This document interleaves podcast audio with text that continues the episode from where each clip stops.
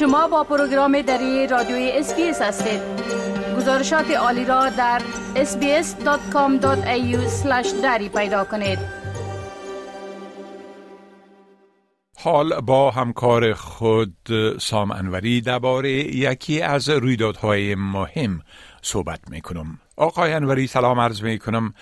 خب موافقت ائتلاف مخالف به تغییرات حکومت در اجرای مرحله سوم کاهش مالیاتی از جمله تحولات مهم است. بله؟ با سلام به شما و شنوندگان عزیز بله همونطوری که شما اشاره کردید نمایندگان اپوزیسیون فدرال یا همان ائتلاف احزاب لیبرال و ملی امروز سهشنبه 6 فوریه در یک نشست درون حزبی توافق کردند که سد راه تصویب تغییرات پیشنهادی حکومت در مرحله سوم تخفیف یا کاهش مالیاتی نشند. پیتر داتون رهبر اپوزیسیون فدرال بعد از این نشست اعلام کرد که ائتلاف مانع تصویب اصلاحات, اصلاحات پیشنهادی حکومت نخواهد شد. آقای داتون گفت که اپوزیسیون البته نه به خاطر حمایت از دروغ نخست وزیر آلبانیزی بلکه به خاطر خانواده های نیازمند و دارای مشکلات مالی تصمیم گرفته از این پیشنهاد حکومت حمایت کنند همچنین نمایندگان ائتلاف به شبکه سی گفتند که اپوزیسیون تلاش خواهد کرد که اصلاحیه های را وارد لایحه بکنه اما در صورت شکست اصلاحات مانع تصویب نسخه پیشنهادی حکومت نخواهد شد. قرار است بسته تغییرات پیشنهادی حکومت در مرحله سوم تخفیف مالیاتی که در دوران حکومت ائتلاف تصویب شده بود امروز در اولین نشست پارلمان در سال 2024 به رای گذاشته شود. این تصمیم اپوزیسیون البته به این معناست که حکومت کارگر دیگر مجبور نیست که برای تصویب این تغییرات خود با حزب سبز و سایر سناتورای مستقل چانزنی کنه. اپوزیسیون فدرال البته پس از آن به این تغییرات چراغ سبز نشان داده که قبلا شدیدن با آن مخالفت کرده بود و این تغییرات را مادر تمام وعده های انتخاباتی توصیف کرده بود. بله خب طرح اصلی مرحله سوم کاهش مالیاتی که از جانب حکومت قبلی تصویب شده بود از چی قرار است اگر در این باره یک مقدار توضیحات بتین بله طرح اصلی مرحله سوم کاهش مالیاتی که در دوران حکومت اسکات مورسون در سال 2019 تصویب شده بود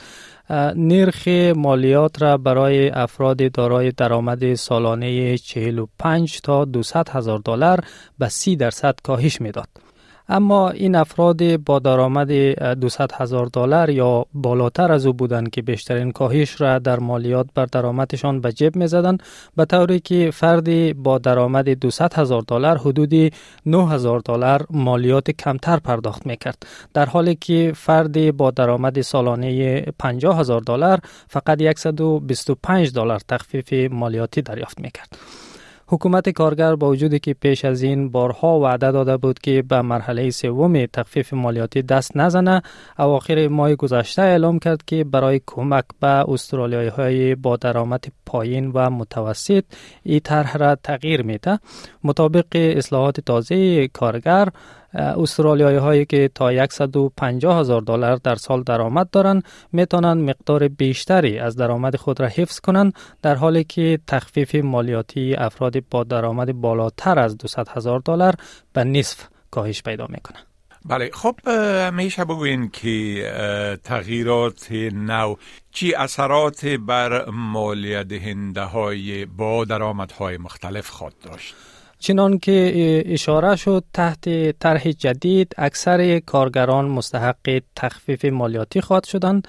اما اونهایی که درآمد بالا دارند بخشی از تخفیف مالیاتی خود را از دست میتند در عوض نرخ مالیات بر درآمدهای کمتر از 45 هزار دلار در سال از 19 درصد به 16 درصد کاهش پیدا می‌کنه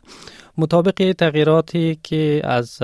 آغاز سال مالی آینده یعنی یک جولای 2024 اجرایی میشن مالیات افراد با درآمد متوسط 73 هزار دلار در سال بیش از 1500 دلار کاهش پیدا خواهد کرد. کارگرانی که 50 هزار دلار در سال درآمد دارند 929 دلار اضافی به جیب می‌زنند در حالی که افراد با درآمد 100 هزار دلار 2100 دلار کاهش مالیاتی دریافت خواهد کردند. همچنین خانواده های با درآمد متوسط 130 هزار دلار در سال 2600 دلار تخفیف مالیاتی دریافت می کنند اما در سطح بالاتر تخفیف مالیاتی افرادی که 200 هزار دلار درآمد دارند از 9075 دلار به 4500 دلار در سال کاهش می یابد. بله خب بسیار تشکر آقای انوری از این معلوماتتان و برایتان وقت خوش می خواهیم. تشکر از شما وقت خوش